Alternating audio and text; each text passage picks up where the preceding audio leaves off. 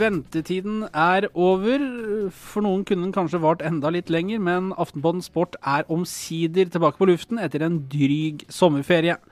Velkommen skal du være til en sending med mye på menyen, og ikke minst to solbrune og velopplagte, deilige herremenn i studio. Lars Kjernås og Bertil Valderhaug, velkommen tilbake. Jo, takk. Det var Litt av en introduksjon, da. Ja, Den er vel den beste til nå, vel? Ja. Var brunere for en måned siden. Solariet med Årvoll er stengt, eller? Ja, det er det. Begynte å jobbe, vet du. og Da er det knalltøft å gå i mørket til jobb og gå i mørket hjem. Vi ser jo på dere to at enten så har dere juksa, eller så har dere vært helt andre steder enn Årvoll i sommer. i hvert fall, Det er jo helt klart.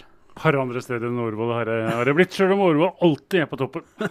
Fått en ny favoritt, Carlo Vertsco, og da er spørsmålet hvor jeg har vært da. Uh, er det en eh, quiz vi kan uh, bruke de sosiale medier til? Smaker mye bedre det landet enn hvis du prøver å drikke det hjemme. Det var en drikk, altså? Du har vært på flaska? Ja, det, var til og med bilde av Luka Modric eh, på den drikken. og da, kan, da tror jeg du klarer det, hvis du er litt fotballinteressert. Da skjønner alle at Bertil i sommer har vært i Hellas.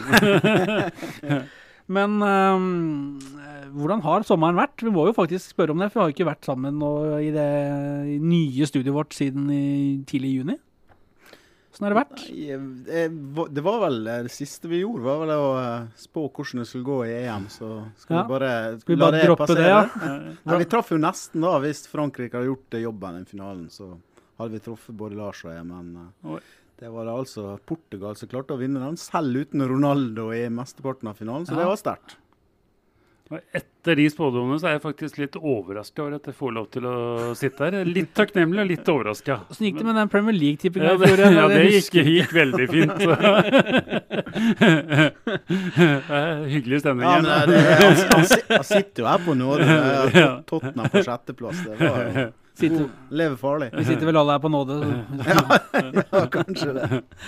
Eh, vi sitter her da og skal snakke oss gjennom en sportssommer som bare blåste forbi oss. Og nå er det jo straks september, det er under fire måneder til jul, og snart kan vi spinne rundt oppe i marka på bakglatte Matshus-plank igjen. Bertil, har du begynt vreppingen av skiene nå? Nei, jeg er mest opptatt av å få riktig astmamedisin, så jeg klarer å hente ut de ekstra marginene. Det er deilig å få litt eh, sånn Ventolin når du runder Blankvannsbråten der, Lars. Kjøre to doser Ventolin eh, for hver motbakke, så blir det, blir det bra. Blankvannsbråten var mye omtalt på vårparten. Jeg kan jo si at de har tilbrakt mye av sommeren eh, i de trakter. Veldig koselig. Rundt Blankvann og gården der og Der er det fint. Det var passeringa på var det 41,7 km, jeg tror, på gamle 25 km-sløyfa i, i Kvålen. Så det er minnet, vet du. Sykler ikke du vil da, Kjetil? Jo, to, to ganger, faktisk. Gjort med GPS og alt mulig. Akkurat. Nei, men uh, da forlater vi det. Uh, vi har jo beveget oss tilbake til bronsealderen i norsk idrett uh, siden sist. men dere er jo noen gullgutter. Oh, oh, oh. Ja, det er dårlig, vet du. Uh, men vi skal jo uh, Dere skal hjelpe oss da, med å stake ut en ny kurs for uh, fremtidige oppturer for norsk sommeridrett. Og hva bør skje på Sognsvann, hvor Olympiatoppen holder hus? Er det toppledelsen i norsk idrett det er noe galt med, eh, eller sendte vi rett og slett for mye raskt til OL i Rio? Svarene de kommer. Eh, I tillegg så skal vi snakke om seriestarten i Premier League og den forestående VM-kvaliken for Per-Mathias Høgmo og co. Men før vi begynner, eh, du nevnte jo astmamedisin. Har alle tatt den i dag, eller så vi slipper å sveive i gang det der forstøverapparatet her, så For meg så er det ganske enkelt. Enten så er det Det er ingenting som kalles gråsone. Enten så er det lov, eller så det ikke lov. Eh, Her eh, opererer de i, eh, et eh, marked, kan du si, der eh, ting er lov så lenge man søker om det. Og da Det er vel der vi er. Og så kan man da ta oppgjøret i Norge på hva er, hva er innafor og hva som er utafor. Men jeg, jeg syns det er litt småflaut hvis du driver og, og medisinerer friske utøvere tungt med astmamedisin for at de skal gå fortest mulig på ski. Men eh, vi har jo forstått det sånn nå. så Før så tenkte jo og alle vi, eh, må jo si middels oppegående mennesker, intellektuelle og alt dette her, at astma var noe du hadde hvis du hadde behov for det. Det har jo da vist seg Ikke være- astma, medisin. Ja, astmamedisin, ja. ja. Astma er ikke noe sånn å etterstrebe å få. Nei, nei. Men, men altså, før så tenkte du at hvis du hadde astma, da måtte du få astmamedisin. Det har da vist seg å være feil. For nå skal du døttes innpå med astmamedisin, enten du er frisk eller sjuk. Det spiller ingen rolle. Så her har vi noen år å ta igjen. Det, det, det kjennes greit og riktig å medisinere syke folk. Det kjennes særdeles ugreit å medisinere friske folk. Så enkelt uh, er det for meg. Uh, det er jeg er helt enig med, med Bertil. Altså er du, jeg skjønner at, uh, at, det ikke står på dopinglista og alt det, men det beveger seg fra grått til brunt og nesten over i svart. Er det ikke helt svart, da? Altså, så lenge det ikke står på dopinglista, er per definisjon doping, så er det jo ikke, er jo ikke svart i paragrafene. Men for meg, i tankegangen min, så er det, er det svart fordi du medisinerer ikke friske folk. Basta. Uh, vi, vi, får ikke lov å bruke høydehus i, i norsk idrett. Det det er forbudt. Og det må ikke, ikke finne på å bruke høydehus. Men og, alle skal ha astmamedisin. Det, det høres jo litt pussig ut. Ja, eh, jeg tror det trengs en opprensning i leirene der, slik at uh, Tenk det motsatt. Tenk hvis utenlandske toppløpere hadde brukt uh, en medisin som norske utøvere ikke hadde brukt. Det hadde vært ramaskrik. Så jeg skjønner jo at det reageres fra andre nasjoner. Det var en finne som sa det etter uh, toppidrettsveka, eller hva det heter, at uh, reglene er klare. Punktum. Matti Heikkinen, var det, ja, var det, var Matti? Ja. Ja. Altså, vi, vi, legger opp til Smash, og den Smashen den uh, kommer inn naturligvis til å slå begjærlig inn til uh, poenggivende i både Finland, og Russland og Sverige for den saks uh, skyld. Og det er unødvendig også å legge opp mm. til den Smashen. Altså, I, i sommer så ble Martin Jonsrud Sundby da tatt Altså, han ble ikke tatt han, Det er jo flere år siden han ble tatt, men det kom frem i sommer at han Uh, har brutt dop, dopingbestemmelsen for å få i seg for store doser med astmamedisin. Uh, og det var jo et, uh, den seansen der på Ullevål stadion hvor han satt sammen med leger. altså Det var jo noe av det flaueste, og forsvarstaler og i det hele tatt. Men Um, han har altså mista en uh, Tour de Ski-seier og en uh, seier i verdenscupen sammenlagt fordi at man har røra det til her. Hvor mye skjemmer dette her uh, norsk idrett nå, når vi nå i, i dag også vet at folk som ikke er syke, også får døtta i seg astmamedisin? Hvor mye skjemmer det? Den saken med Martin Jonsrud Sundby kommer for meg mindre enn å, enn å, medisinere friske folk. fordi han er jo tross alt, holdt på å si, så langt jeg vet, i hvert fall diagnostisert med astma. Og tok den medisinen for å, å motvirke sykdommen i en periode hvor han sleit med plager. Og han er jo, i hvert fall så langt jeg har lest og kjenner den saken, og den har jeg lest ganske grundig, så er jo han en, en uskyldig holdt på å si, tredjepart oppi det. Det er jo landslagslegen som tok feil av, av reglementet og medisinerte den med for store doser. Så den er for meg den er, den er langt mindre svart enn en det å fly rundt og dytte astmamedisin ned i halsen på friske folk, det har jeg store problemer med å forstå. For du gipser jo ikke fotballspillere som ikke har brekt beinet. Nei, det, du gjør ikke det. det når Asfaltere for kragebeinet opp, kanskje? uh, Martin Jonsrud Sundbø er jo et uh, uskyldig offer i, uh, i, det som er ei medisinsk tabbe fra det norske støtteapparatet. Altså, og det vitner med en viss arroganse å ikke, ikke lytte til uh, ekspertisen og bare ta valgene sjøl uten, å, uten å, å, tro at det skal gå greit. Men som sagt, hadde vi snudd på det, hadde vært en finne som hadde vært den beste langrennsløperen som hadde gjort noe lignende, så hadde vi stempla vedkommende som eh, dopingmisbruker. Og Det er jo synd i Martin Jonsrud Sundbra, som som sikkert har hatt noen veldig tøffe måneder, og det har han gitt uttrykk for også, eh, helt siden han fikk vite at det her var en sak. Mm. Så får vi håpe at han klarer å komme sterkt tilbake og få sitt etterlengta gull nå i lagt til vinteren. Men, men, det at vi da driver og skal dytte på friske idrettsutøvere eh, astmamedisin, som begrunnes da med at det er liksom eh, Nei, vi må jo ta vare på luftveiene deres. Det er jo et viktig redskap, og de skal ha et liv etterpå. Så lukter det ikke litt kål av sånne ting? da? Jo, som jeg har sagt, det, det lukter cola. og det, De har et forklaringsproblem. og Den uh, ballen bør i snarest uh, lande, og så bør de slutte med det. Enkelt og greit. Før vi ødelegger stemningen helt her nå, så har jeg lyst til å starte litt der vi slapp i, i, i forrige sending. Eh, nå er vi i gang med høsten, eh, og den sportssommeren som vi har lagt bak oss eh, Hvis vi skal la Rio på en måte være utafor nå, eh, hva, hva, husker dere best fra de deilige månedene innomhus med TV-en på full guff?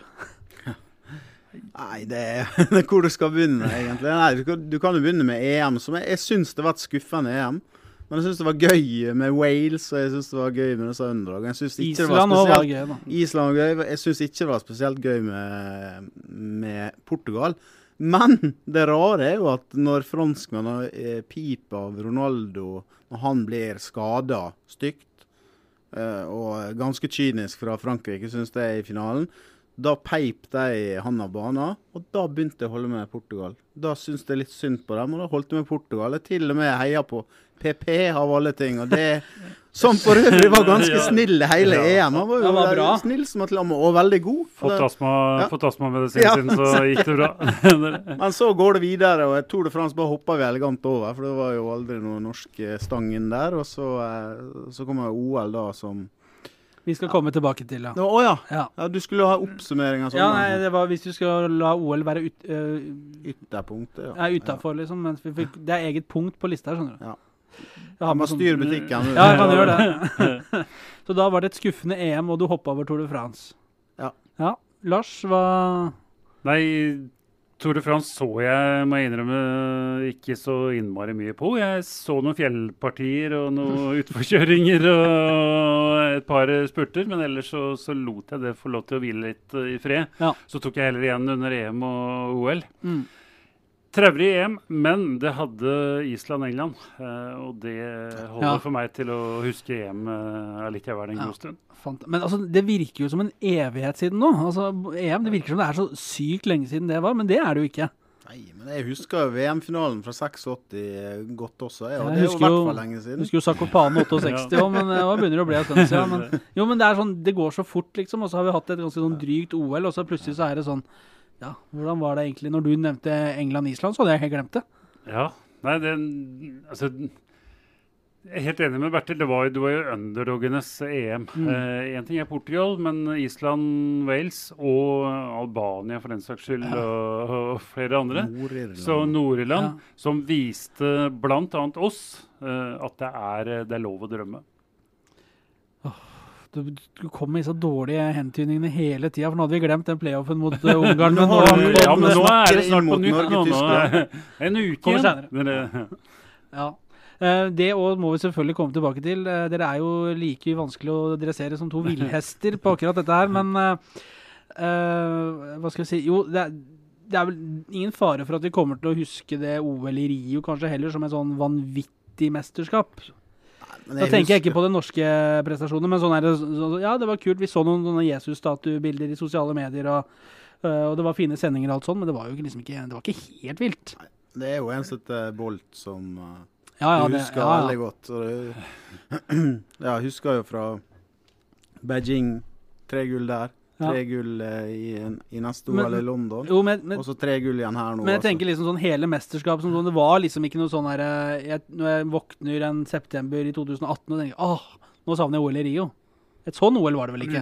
Det er jo altså sommer-OL for meg, det må jeg bare være ærlig og si. Det er en blanding av OL i idrett og OL i fritidssysler. Og, og OL, et, OL i, tøv, for å være litt uh, uærbødig. Altså, når, eh, når du ser uh, dressurridning eller synkronsvømming eller uh, helmatch jeg, jeg skjønner jo at folk har trent i noen tusen timer, men, men da bør du diagnostisere meg hvis jeg setter meg ned og bruker tida på det. Så, så et sommer-OL er jo Du velger jo ut på forhånd, og så velger du vekk. Og for meg så, så velger jeg vekk 80% og så koser, koser jeg meg med 20 Men, Men, da, eh, da koser jeg meg, for det er jo mye moro.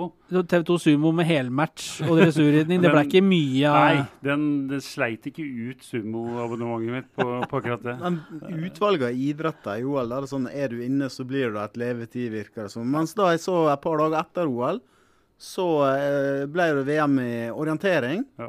Som er blitt en veldig morsom TV-idrett, for du ser karta, du ser hva veier det i løpet og alt sånt. Det, det hadde jo vært perfekt da til OL. Skjønner ikke hvorfor ikke dem eh, får være med. Nå, nå fikk jo eh, golferne være med, og Norge hang jo med en stund der. og det...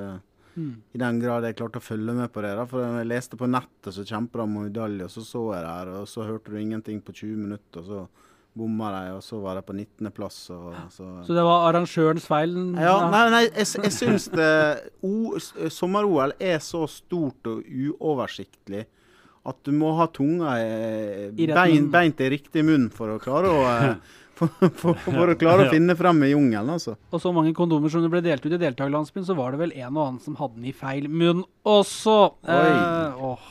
Men eh, det er altså, litt morsomt det du sier. Det er mye rare, sære idretter. Jeg ble sittende og se en del på stuping.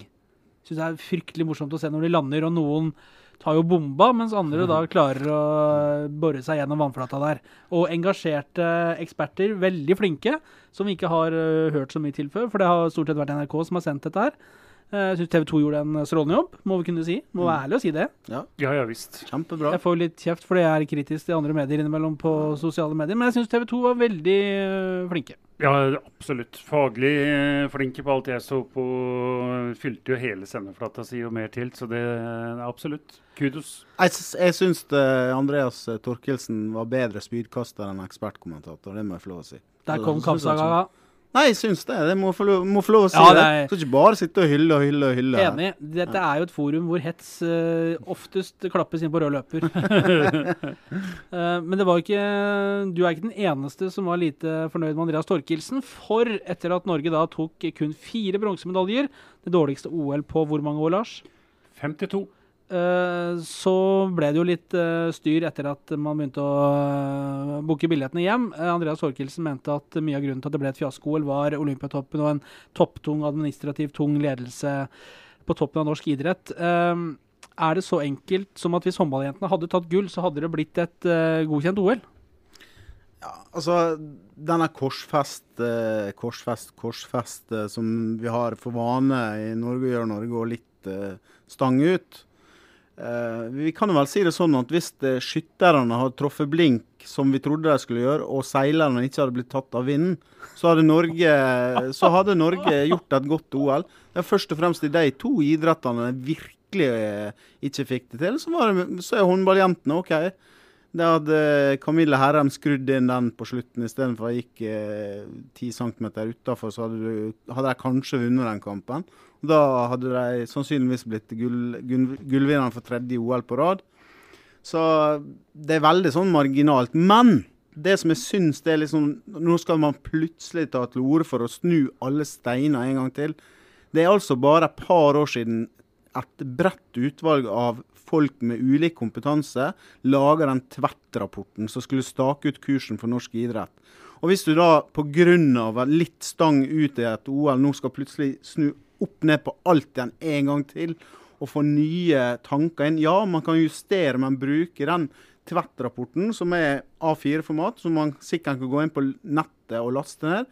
Og Der påpekte de en del ting som kunne gjøres i norsk toppidrett. Og Så kan man bruke den som en mal på hva man skal gjøre videre.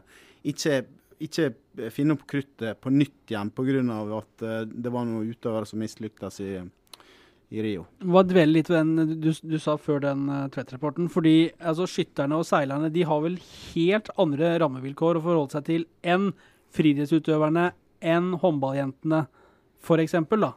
Jeg tipper at Bryn og Brekne og alle disse her, og seilerne, de, de, har, de har vel litt mindre penger eh, enn f.eks. håndballjentene får kasta etter seg, og eh, oh, ja. friidretten sånn sett. Ja. Jeg vet ikke, uten, uten at jeg kjenner de tallene, men det er kanskje litt eh, Ja, du, er, du er inne på finansieringsmodellen av norsk idrett. Ja, f.eks. ressursbruken der, hva det satses på. Ja da.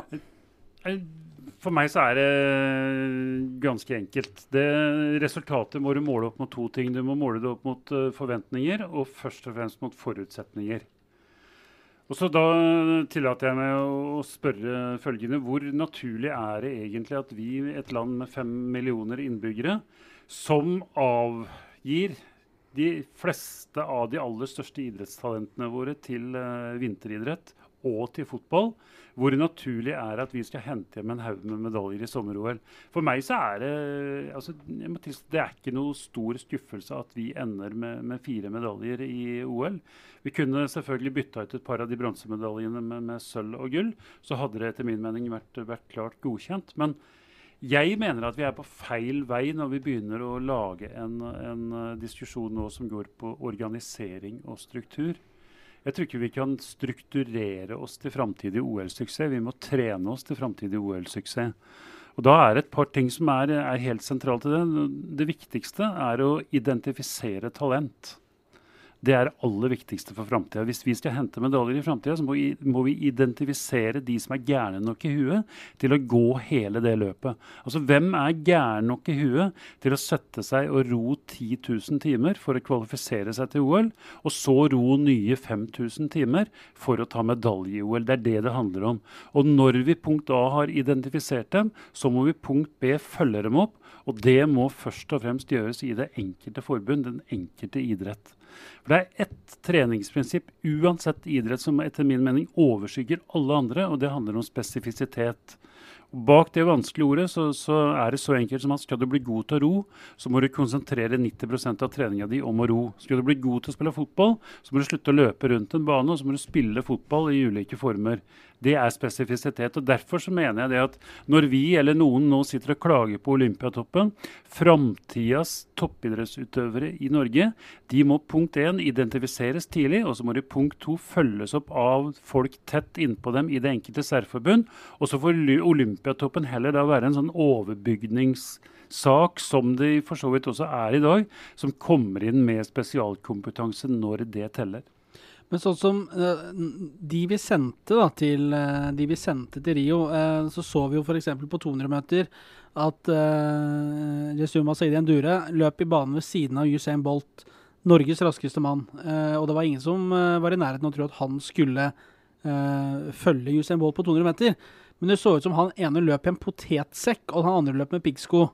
Og så hadde vi Esinok Parebo, som er Norges raskeste kvinne, som heller ikke gjorde det spesielt bra.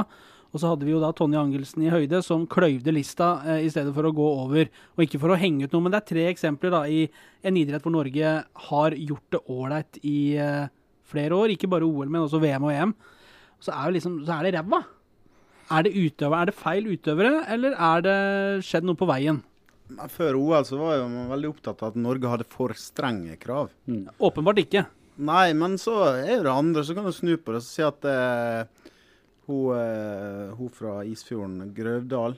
Karoline Bjerkeli Grøvdal? Ja, hun, eh, hun, var jo beste ikke-afrikanske langdistanseløper i hele OL. Og, eh, og, og, det forteller jo at hun har et vanvittig høyt nivå inne. Hun presterte jo eh, i overkant, satte jo personlige rekorder på både 5000 og 10 000. Og så har du Karsten Warholm som akkurat har begynt å satse på Han er jo egentlig en tikjemper, så satser han på 400 meter. og slo jo favorittene i forsøksheatet og imponerte. Og han presterte vel omtrent over evne og sånn. Så det, det, det, er mange som har gjort det bra også. Men vi blir veldig sånn blinde i Norge. Vi er så godt vant på vinterstid at, eh, at det å, det å eh, sette personlig rekord i et OL, selv ikke det oppleves så godt nok for nordmenn. Vi er bortskjemte. Og jeg kunne ha sagt det før OL, hvis Norge ikke får et sånt medaljeskred i Rio, så kommer det til å bli lynsjestemning. Og det har det vært. Det er, det er en klassisk. Det har ikke plata. Men dere freder både her Tore Øvrebø og Inge Andersen og Tom Tvedt og det som er? Jeg tror ikke det er der problemene først og fremst ligger. Problemene ligger på, på det jeg sa i stad. Og så er det et par andre viktige diskusjoner. Noe av det beste jeg har lest, det leste jeg i dag av Nils Henrik Hoff, roeren i Aftenposten, vår egen avis. Hvor han eh, snakker om et eh, område som, som jeg visste om fra før av da jeg jobba som lærer i videregående skole, med det å kombinere toppidrettssatsing med utdanning.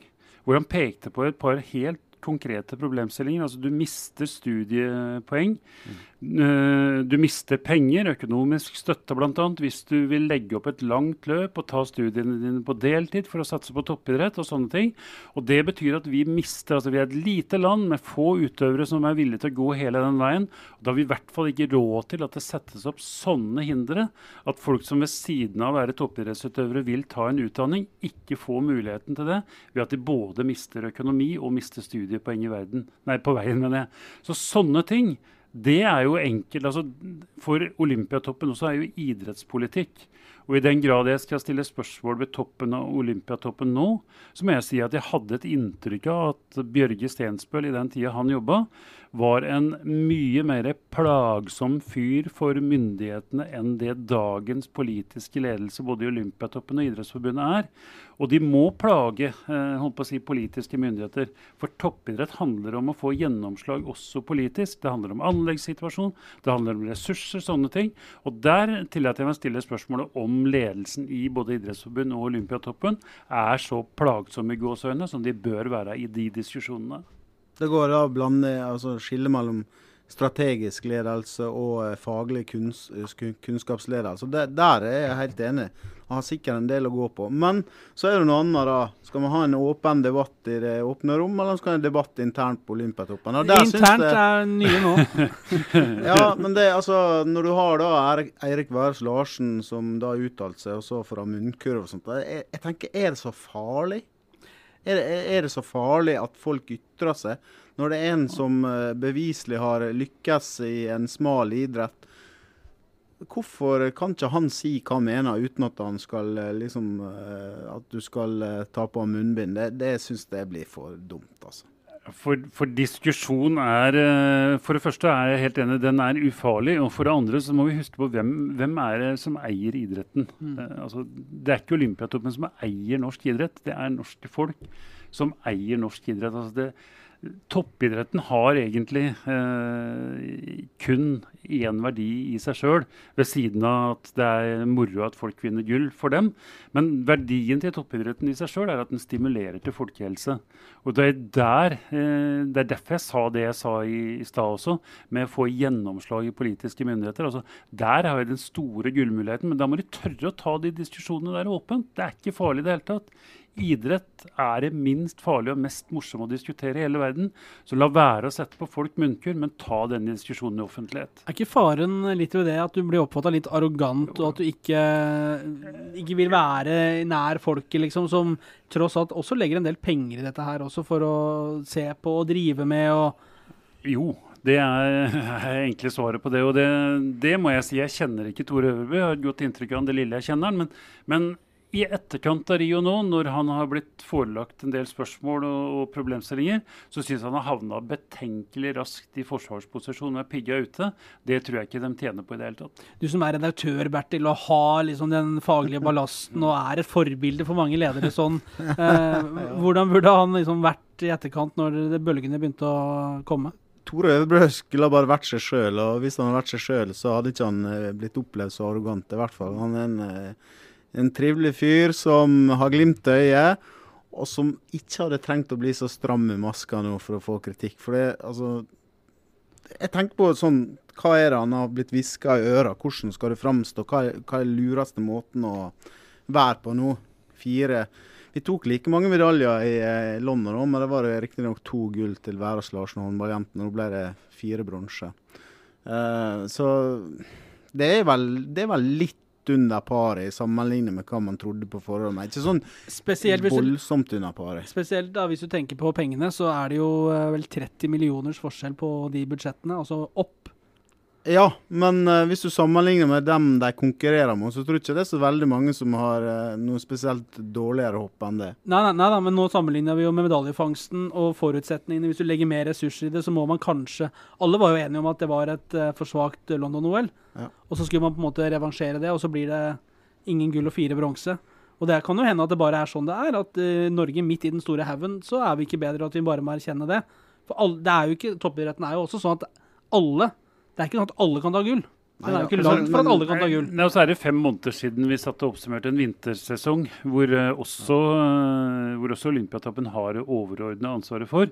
Hvor vi oppsummerte en vintersesong eh, på ny. Hvor vi stort sett vinner rubbel og bit og er verdens suverent beste vinteridrettsnasjon. Og det er vi altså med våre fem millioner. Og som jeg sa i stad, der mister vi en haug med de største idrettstalentene våre til langrenn, til skiskyting og til fotball. Fordi enten du liker det eller ikke, jeg liker det, men alle gjør det ikke, det er de mest prestisjefylte idrettene vi har i Norge. Så moralen er legg ned vintersporten, sats alt på sommer. Og fotball, for vi er ikke så jævlig gode der heller. Nei, det er vi ikke, men det har vi tenkt å bli.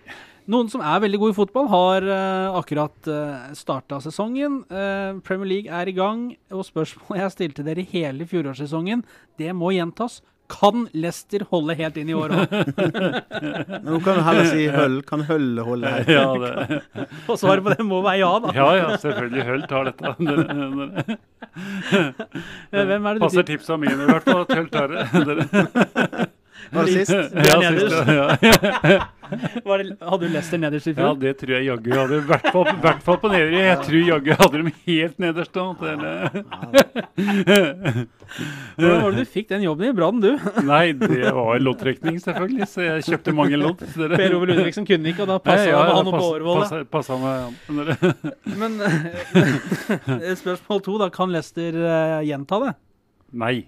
Nei, det har de vel vist de to første kampene. At jeg de ikke kan. Uh, men uh, jeg tror nok at lag som heter Manchester United kommer til å henge lenge med denne sesongen her. Og eh, den starten på sesongen til Zlatan har jo Det bærer jo bud om at han har ikke tenkt å, å slakke på gasspedalen når han spiller fotball i England. Han var ikke, den, den introduksjonen han fikk til Premier League, var ikke noe ydmyk, det. Det, så det står jo bra i stil med den han er òg. Det var jo liksom eh, Cantona meldte vel at det var kun én konge i Manchester, og Zlatan kontra med at han fikk en heller bli gud. Ja. Altså, Zlatan er tre ting han i Manchester. Han er god spiller, og så er han en riktig spiller, og så er han et ikon. Eh, og- det er jo verdien i å kjøpe Zlatan. Du får så mye mer enn en fyr som skårer eh, de 12 eller 14 eller hva han nå kommer til å score i løpet av en sesong. Du får et ikon ved siden av. Du får en fyr som tar av trykket for, for de andre. Du får en fyr som brøyter vei. Så det er selvfølgelig et genialt kjøp. Det, det er ikke noe tvil om det. Og det er har spilt to runder, men det går an å skimte bitte litt, syns jeg. At det er, er tre-fire klubber som ser solide ut.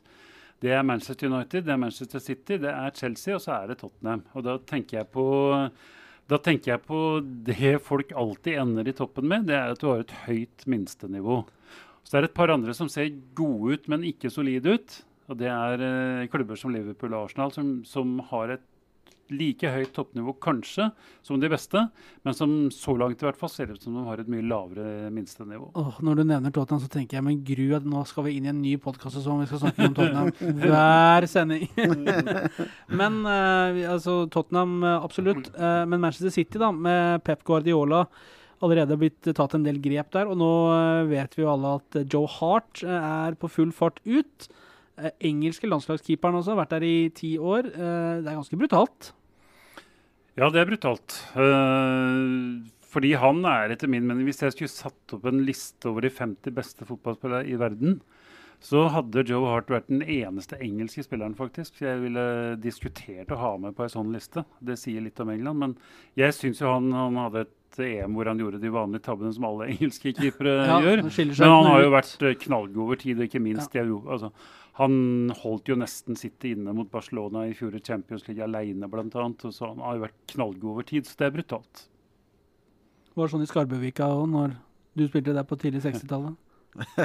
Tidlig 60-tall. Det er sånn dårlig med tall. jeg hadde faktisk et godt poeng rundt Tottenham, her, men jeg vet ikke om jeg skal tørre å si det. Jo, vi, vi I og med at jeg får hetsing hver gang. Ja, men det får du uansett. Nei, Til helga så skal jo eh, Tottenham ta mot Liverpool, så blir det runda storkamp. Og eh, denne- Storkamp. Ja, det må du vel kunne si. det, det, er, det er litt bedre enn Middlesbrough West Bromwich. Ja, det det- Selv om Middlesbrough er morsomt. Men, men eh, i 2009 så var det en eh, supporter som nesten har samme etternavn som jeg, som heter Valder Haugstrand fra Valderøy på eh, Sunnmøre. Han ble kåret til årets supporter 2009. Og eh, et par år etterpå så leide han og kona ut eh, hybelen i huset sitt, huset deres der. Og da har han skrevet da i husleiekontrakter til dem som eh, leier kontrakter der, så eh, nederst fotnote husregel. Og her står det Tottenham Hotspur fotballklubb. Eh, nå kom det et eller annet rart oppå eh, skjermen min her, selvfølgelig. Martin Samuelsen klar for ny Champions-klubb, ja. Eh, Tottenham Hotspur fotballklubb er å anse som hellig for familien Valderhaugstrand. Leietager må derfor aldri under noen omstendigheter drive propaganda for Liverpool fotballklubb eller andre rivaliserende klubber. overfor fastboende i Rokkeveien 15. Leietaker må heller aldri, under noen omstendigheter, snakke nedlatende om Tottenham som klubb eller noe som, noe som hører klubben til. Ved brudd på ovennevnte eller ved usmakelige gestikulering dersom Liverpool skulle være så heldig å slå Tottenham i, lø i løpet av leieperioden, vil leietaker bøtelegges med krone 250. Det her er lidenskap, og det er god humor, og det er undertegna av han som leide det. Så får vi, får vi høre hva historien bringer da, hvis det blir eh, Liverpool-seier på lørdag. Hva er det du sa der? Liver Liverpool. Liverpool? Ja, det var det. Ja, ja. ja, det- Jeg skulle bare sjekke om du, du var på, om, om du var skrudd på som du pleier. Ja, jeg har fokus på kun én ting, det vet du. Eh, Liverpool, da blir det neste sesong, eller? Ja. Ja, Neste sesong for Liverpool, da Alltid neste. Ja. Liverpool, første kampen, Arsenal, kjempebra. Uh, holdt på å rote vekk 4-1. Og så skulle, skulle spille borte mot Burnley. Den klareste seieren jeg hadde på min kupong den helga, selvfølgelig. Og da var det selvfølgelig Burnley da som Ja. enkelt og greit. 2-0, Ja. ferdig. Men kan vi snakke litt om QPR, gutter? Ja, gjerne. Veldig hyggelig. Ja, vi tar gjerne. Vunnet to cupkamper, og det er altså første Jeg tror ikke QPR har vunnet en cupkamp på 25 år. Det er altså konsekvent blitt slått ut i første forsøk både i Liga Cup og Yes. Punkt én fordi de har vært uh, møkka dårlige. Punkt to fordi de har stilt eh, et uh, håpløst lag. Men nå har de altså på to uker vunnet to cupkamper og avansert i fjerde runde i Ligacupen. Det er rein eufori. Skal det endelig lykkes? Skal endelig lykkes. Men er Clint Hill solgt Clint Hill er solgt. til yes. Rangers? Nei, han er solgt er vel å ta i. Det er vel, han er vel eh, forhåpentligvis gitt bort. eh, Kjørt men, eh, opp, vel. Kjørt opp, ja. Det er, ja. Men hvem er det som trener QPR nå? Det er eh, den eh, gamle storskårer Jimmy Floyd Hasselbank Ja, som det, altså. denne uka har ansvaret for QPR, inntil de finner ut at de skal sparke manageren igjen. Denne uka. Um, kjapt, så hva, hva er det vi snakker av profiler der nå? Fordi eh, han Spissen er jo borte. Han er til Southampton, er han ikke det? Charlie Austin er borte. Charlie Austin, ja, er nei? Ja, nei, Mayotte. Taua ut stort sett det som er av holdt på å si, av folk som tjente gode penger, Han heldigvis. tar opp Abdel Adel Nei, han er uh, historie. I Så det, sofaen, det, det er få navn igjen som håper å si, vanlige folk uh, vil, vil kjenne sånn ut. Onua, som uh, Ja, Trevor, Trevor. Francis er fortsatt Så på topp. Trevor Francis på topp og Jerry Francis på, på midten, sammen med Stan Bowles. Det, det. Nei, det, det, det er få, få store navn igjen. Men det syns jeg faktisk som supporter er helt ålreit. Det, det går an å identifisere seg med, med folk som heller løper for penga enn, enn å telle penga etterpå.